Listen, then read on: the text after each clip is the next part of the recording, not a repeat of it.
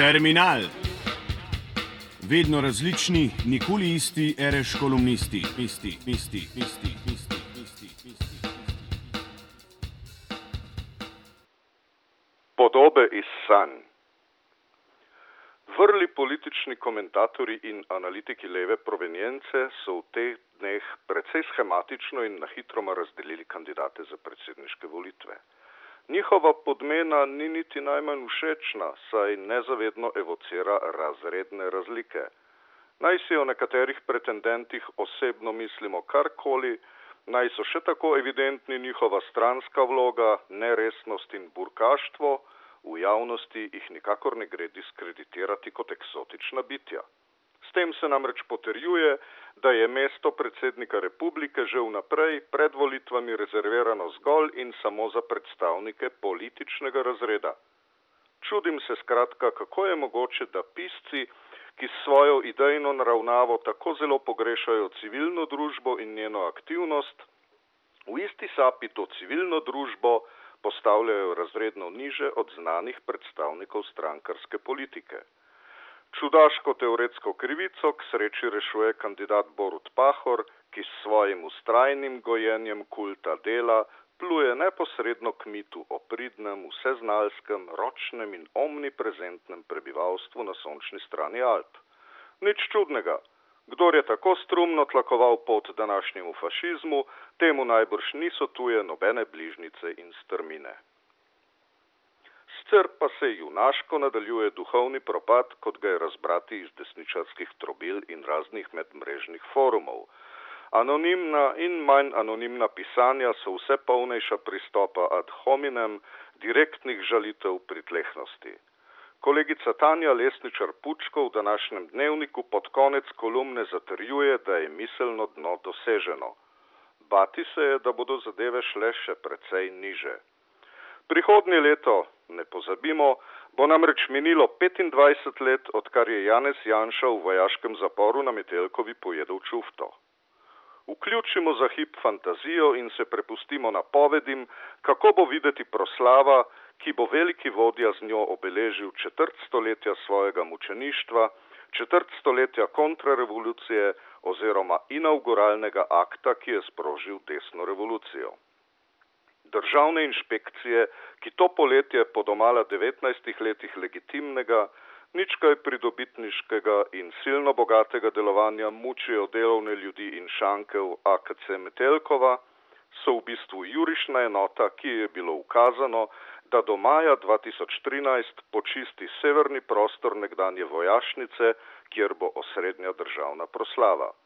Kongresnega trga protagonisti ne bodo dobili, prešernovega tudi ne, stara belgijska kasarna oziroma vojašnica 4. julija pa se zdi kaj primerna.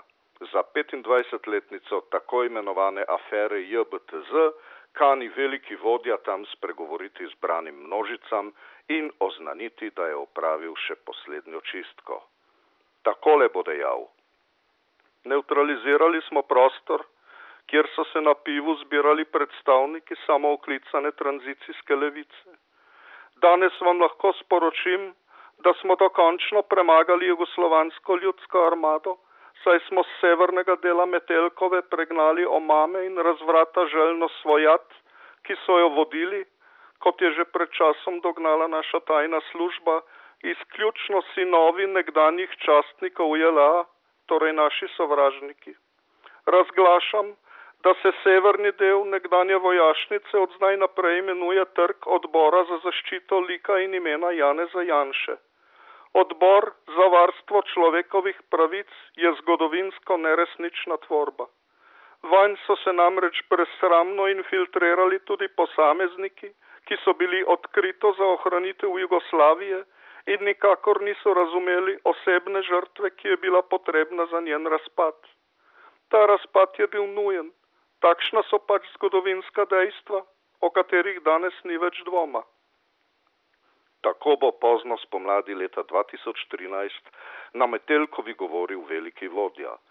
Njegovo misel bo v reporterju z ustreznimi navedki iz francoskega časopisja podkrepila gospa redna dopisnica Marija Vodišek, pričujoči govorec pa se bo na temle radiju še edinem preostalem občilu zunaj interneta, ki bo ohranilo svobodo misli in govora, trudil z argumenti, zakaj in kako le oduzeti doktorat znanosti strastnemu kolumnistu ta istega reporterja, kako razlomljeni in nadzorovani univerzi nazorno pokazati njegove fašistoidne preference. In kje bo tedaj Metelkova? Najbrž pod šotori na kongresnem trgu, prav tam, kjer se je pred četrt stoletja začela desna revolucija.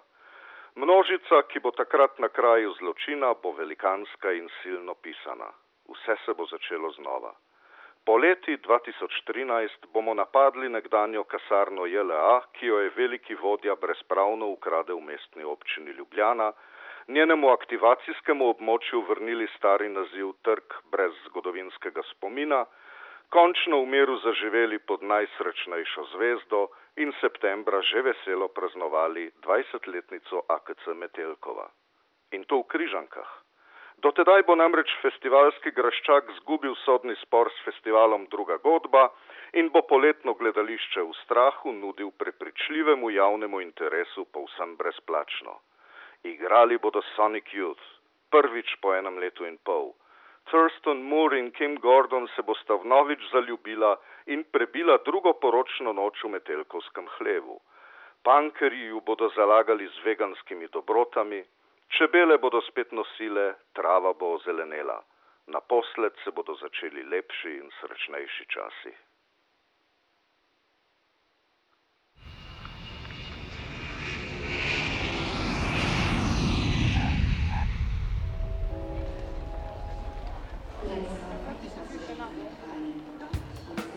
Terminal.